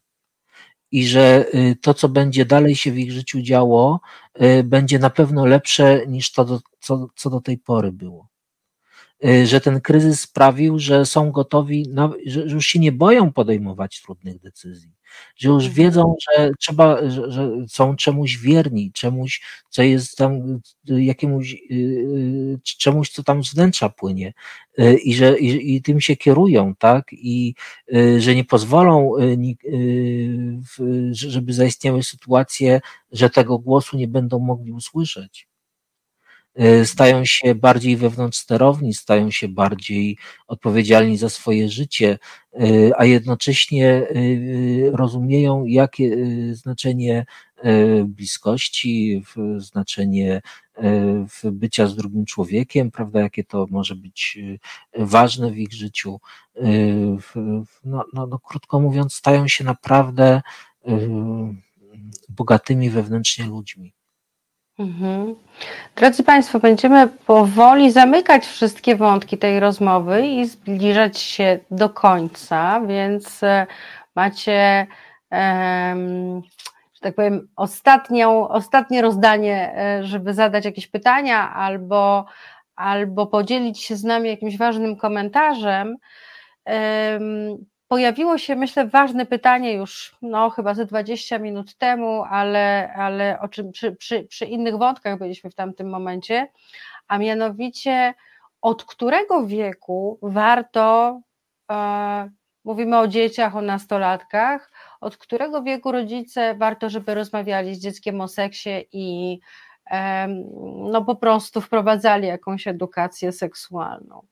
Mnie się wydaje, że jak najwcześniej, tylko trzeba dopasować odpowiedni tak, język i zakres pojęć, z którymi chcemy dziecko zapoznać, prawda? Jak myślisz? No, no, no jest odpowiedź taka jasna. W zasadzie od okresu prenatalnego. E? Już e, tak, już jeśli matka e, myśli o swoim dziecku, stara się tam sobie ten brzuszek swój pogłaskać i, i mężczyzna też, no, no, to, no to, już, to, to, to, to już jest właśnie profilaktyka przeciwdziałania problemom w przyszłości. Później, jak już dziecko jest bardzo małe i znajduje troskliwą opiekę ze, strony swojej mamy i, i wsparcie dla niej ze strony ojca, to już jest profilaktyka największa, jaka istnieje. Tak naprawdę bardzo dużo zależy przecież od tej więzi, jaką rodzice tworzą dla dziecka w pierwszych latach życia. Rodzice są w stanie dać dziecku szczepionkę na wszystkie uzależnienia, naprawdę na wszystkie. Ta, ta mhm. szczepionka to jest y, bezpieczeństwo i troska w pierwszych y, latach życia dziecka. Y, I jeśli to będzie, to później żadna profilaktyka już nie jest potrzebna. Jeśli bym miał myśleć o profilaktyce takiej, ta, takiej według mnie, takiej mhm. profilaktyka wymyślona przez zdradę, to bym powiedział, że to, to wygląda tak. Trzeba eduk- jeśli już, to trzeba by mówić wszystkim ludziom zawsze, że, żeby y, pamiętali o tym, że najważniejsze są pierwsze lata życia dziecka i że bezpieczeństwo w tym momencie powoduje, że dziecko wyrośnie na takiego wewnątrzsterownego, silnego człowieka. Że nie chodzi o to, że nie wiem, dziecko trzeba głodzić, to będzie później silne, albo jakieś inne takie dziwne pomysły. Tylko chodzi o to, że jeśli będzie się czuło bezpiecznie w pierwszych latach swojego życia, to żadne uzależnienie mu w przyszłości nie grozi. A powiedz, kiedy rozmawiać e, z dzieckiem, bo to jest problem ogólnoświatowy w tej chwili, kiedy rozmawiać z dzieckiem na temat e, pornografii? Pornografia jest w internecie, właściwie bez żadnych ograniczeń. E, wiemy z badań, że już dziewięciolatki oglądają pornografię. Wiemy też z badań, że z wiekiem coraz więcej dzieci ogląda pornografię mm, i to naprawdę są duże, znaczy to jest naprawdę duża skala. E, z tego co pamiętam, 12, już 25% dwunastolatków ogląda pornografię chyba w miarę regularnie, więc mamy naprawdę bardzo dużą zmianę cywilizacyjną, tak? bo jeszcze nigdy wcześniej e, moje pokolenie nie miało takiego kontaktu z pornografią, bo po prostu wtedy nie było internetu, tylko były te tak zwane świerszczyki. Zupełnie innego rodzaju bodziec i mm, masz jakiś pomysł, jak rozmawiać z dzieckiem na temat tego, co to jest pornografia? No bo wyobrażam sobie, że jak ogląda pornografię dziewięciolatek, to może być to wręcz traumatyczne lub takie doświadczenie, z którym on nie wie, co on ma zrobić, bo on nie wie, co ci ludzie robią na ekranie, prawda? Ale na przykład go to podnieca, no różnie to może wyglądać. Y, w ogóle w rozmowach z dziećmi y, myślę, że zawsze jedna zasada jest najważniejsza. Y, nie, nie, żeby przede wszystkim sprawdzić, co dziecko mówi na ten temat i, i, i, i funkcjonować, jakby rozmawiać w tym obszarze właśnie, żeby używać tych pojęć, nie wykraczać za daleko, y, być blisko tego, co dziecko powie. No, jak dziecko powie, no zobaczyłem, jak tam pani, y, jak tam y, pan i pani tak jęczeli strasznie i tak po prostu aż, aż się przestraszyłem. No, no, to, no to to jest inny wydźwięk tej wypowiedzi, niż y, na przykład jak dziecko powie, że no, no nie wiem, używając jakichś brzydkich słów, tak, przeklinając przy tym, że, że coś tam robili, tak, no to to już jest znowu to ciekawe, to ciekawe, w jakim kontekście to oglądało, że y, coś takiego usłyszało. Ten kontekst trzeba by dziecku zmienić, tak?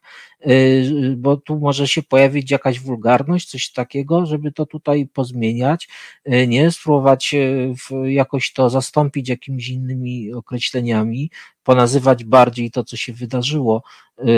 No, no, no, no próbować dziecku pokazać inny kontekst tego, tak? Mhm. Ale w jego świecie, w jego świecie. Mhm. Mhm. Y, czyli rozumiem, ty mówisz o takiej sytuacji, kiedy dziecko samo przychodzi i wnosi te informacje, prawda, że natknęło się na coś takiego. Ale jeżeli dziecko nie, nie przychodzi, tylko my przypadkiem jako rodzice odkrywamy, że ogląda, tak, bo widzimy w historii wyszukiwania, a to dziecko jest naprawdę jeszcze małe, to, to co w takiej sytuacji? Ja rozumiem, że na pewno nie można, e, bo to jest po prostu przeciwskuteczne, krzyczeć, czy, czy karać, czy straszyć, czy prowadzić dochodzenia, że, mhm. że trzeba podejść do tego bardzo delikatnie, tak, i dając poczucie bezpieczeństwa dziecku. Tylko pytanie, no, jak sobie z tym e, radzić. Rodzice, często jak ja z nimi rozmawiam na spotkaniach profilaktycznych, nie prowadzą takich rozmów z dziećmi i nie bardzo nawet wiedzą, jak taką rozmowę przeprowadzić. No, przede wszystkim nie histeryzować, prawda?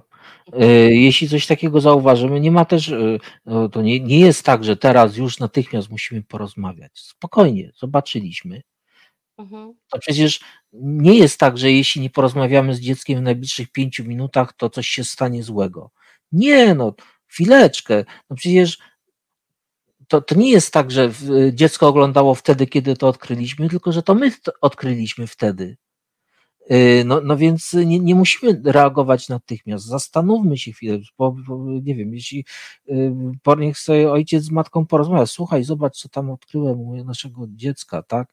Y, no i co my teraz z tym zrobimy? Niech się tam pogadają chwilę, niech się zastanowią, może gdzieś tam poszukają jakichś materiałów, informacji, co, jak, jakoś może pójść do, do kogoś się doradzić, pogadać ze znajomymi, jak oni sobie z tym poradzili, gdzieś tam przy okazji jakiegoś spotkania towarzyskiego zebrać tam w sumie różne informacje, uspokoić się i dopiero bogatszy o, te wszystko, o to wszystko usiąść kiedyś z dzieckiem i powiedzieć, wiesz co, jest coś takiego y, na świecie, myślę, że ty już też to wiesz, jak pornografia i, i, i tak chcę cię spytać, co to ty myślisz, nie?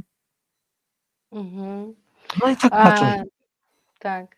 Ja zachęcam też y, Państwa do wyszukiwania, wyszukania w w internecie jest bardzo fajna kampania społeczna zrobiona w Nowej Zelandii na ten, e, na ten temat i tak sobie marzę, żeby coś takiego było też w Polsce w końcu, żebyśmy czegoś takiego się doczekali.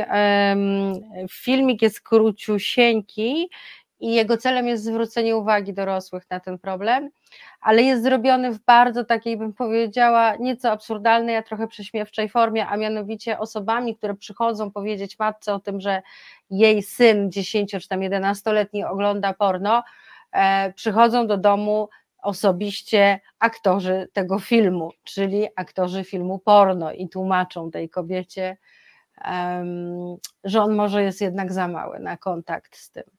E, także no, marzyłabym o tym, żeby tak bez, bez wstydu, bez, bez tabu, bez, bez napięcia, e, żeby dało się na ten temat rozmawiać też, też w Polsce. Damian, będziemy powoli kończyć. Czy coś chciałbyś powiedzieć, o co Cię nie zapytałam? Coś ważnego? Ojej, jest tyle rzeczy. Y, ja tutaj patrzę na ten czat też, prawda, i tam widzę, ile, ile wątków jest, na które tutaj tak. zabrakło czasu. Tak nawet przypadkowo, tak po prostu tak sobie tylko yy, yy, po prostu yy, ojej. Co nas jeszcze? Ile tego jest? No nie. Yy, o, na przykład jest, widzę, ale tak sobie teraz tak prze, przejrzałem tak pobieżnie i widzę, że dużo wątków też dotyczy y, takiego styku religijności tak. y, z y, seksualnością. Y, no, to, to jest rzeczywiście bardzo y, taki, takie miejsce, gdzie ogień się z, chyba z wodą spotyka i tam wiele różnych wątpliwości może się pojawiać. I ja sobie myślę, że z jednej strony rzeczywiście tak jest, że y, może, może o, wiem jak skończę. Tak, tak, bo, bo, bo to jest problem. Przychodzi wiele, wielu młodych mężczyzn i mówią, że są uzależnieni od seksu, y, ponieważ y, pytam się dlaczego. Y, no, w zeszłym miesiącu się masturbowałem. A mamy na przykład koniec następnego. I młody mężczyzna bez związku ale on, pytam, a czemu pan tak myśli, że jest pan uzależniony? Y, no bo przecież nie można się masturbować, y, ksiądz mówił przy spowiedzi i wysłał mnie na terapię. Tak, no to taka chwila ciszy po prostu bez komentarza, nie? No, no, więc, no więc chciałem powiedzieć coś takiego, że mm, Owszem, jest bardzo y, y, dużo y, fajnych księży, którzy potrafią zauważyć sytuację, kiedy trzeba iść na terapię. I bardzo sobie cenię współpracę z nimi, jeśli tak robią, ale no czasami rzeczywiście potrzebujemy pewne rzeczy jakby hmm, zmienić w czymś myśleniu, tak, y, żeby odkręcić pewne myślenie, że, że y, w, ma, masturbacja też jest dla ludzi. No też jest. To nie jest tak, że to jest absolutnie coś zakazane. Y, że nawet jeśli ona się mieści w takich, takiej przestrzeni związanej z uzależnieniem od seksu, to, y, to, to również jest naturalną czynnością o charakterze rozwojowym, która ma bardzo dużo, wiele ważnych funkcji y, w przygotowaniu do życia seksualnego, a nawet później w trakcie tego życia, kiedy są jakieś okresy gorsze, jakoś tam służy ludziom. Więc no, ja, ja, to, to też trzeba widzieć tą drugą stronę, tak, że no, po prostu to tak jak z alkoholem, tak, no też jest dla ludzi. No też jest, też można sobie kupić alkohol i, i się napić. No ale y, no, no, co innego jest y, kupić i czasami się napić, a co innego y, po prostu używać go właśnie w nałogowy sposób. Dlatego tak, tak chcę powiedzieć, że, że, że znaczy na zakończenie to chyba tak bym chciał powiedzieć, że chciałbym rzeczywiście, żeby tak się działo, żeby każdy mógł y, gdzieś tam y, posłuchać najpierw swojego wewnętrznego głosu, y, czy rzeczywiście w, należy już podjąć jakieś kroki w kierunku leczenia, czy może po prostu popatrzeć, że się jest po prostu zdrowym człowiekiem, który ma różne potrzeby i które może realizować w różny sposób. A ty prowadzisz terapię też online? Bardzo, bardzo mało. Bardzo, y, ponieważ y, mam taki problem, że może to się jeszcze zmieni, y, że w gabinecie nie mam internetu. Nie, no to musi się to zmienić. Okej. Okay. No cóż, drodzy Państwo, e, za chwilę wybije 23. Mam takie poczucie, że, że dużo ważnych wątków poruszyliśmy. Damian, to może jeszcze kiedyś do nas wpadniesz, co? Y, z wielką chęcią. Y, co więcej, y, tak naprawdę jakby się dało, to bym tutaj na te pewne rzeczy, które tutaj na tym czacie się pojawiły, to jeszcze mówił o tym. W ogóle jakby tak zebrać te pytania i napisać odpowiedzi na nie, to by po prostu powstał świetny materiał, który by myślę w, w, służył ludziom. E, bardzo Ci dziękuję za to spotkanie, bardzo Ci dziękuję za, e, za tę rozmowę. Bardzo się cieszę, że mogliśmy porozmawiać. E, dziękuję też naszym odbiorcom i odbiorczyniom, że tak aktywnie uczestniczyli. O, zobacz, mamy tutaj nawet komplementy. Katarzyna Sacha pisze do nas. Pani Maju i Panie Damianie, dzięki za super program. Bardzo dziękujemy gościowi, pisze inkwizytor. E, tu jest napisane, e, Martin e, pisze takie słowo, którego ja nie znam i nawet nie wiem, czy to nie obrażasz, Martin, pana Damiana w ten sposób. Panie doktorze, brak internetu w gabinecie to imposylizm. Nie wiem, co to znaczy. No, zdarza się, że różnych rzeczy nie wiem. Ale e... tak może być. Ja nie wiem też dokładnie, tak? ale zgadzam się, ale zgadzam się. Nie, to nie jest dobre. To nie jest dobre. Ja też tak, to nie jest dobre, bo zakładam, że może wiesz, po tej rozmowie ktoś by chciał z tobą porozmawiać, tak? A ja jestem w Warszawie, a ty jesteś w Sosnowcu. Czy się przeprowadziłeś z Sosnowca? W Siemianowicach, w Sosnowcu pracuję, a mieszkam tak kawałek dalej. No dobrze. Dziękuję bardzo, Damian. E, dziękuję, dziękuję wszystkim. Również. Życzę spokojnej e, nocy i do usłyszenia. Dobranoc. Dobranoc. Dobranoc, dziękuję.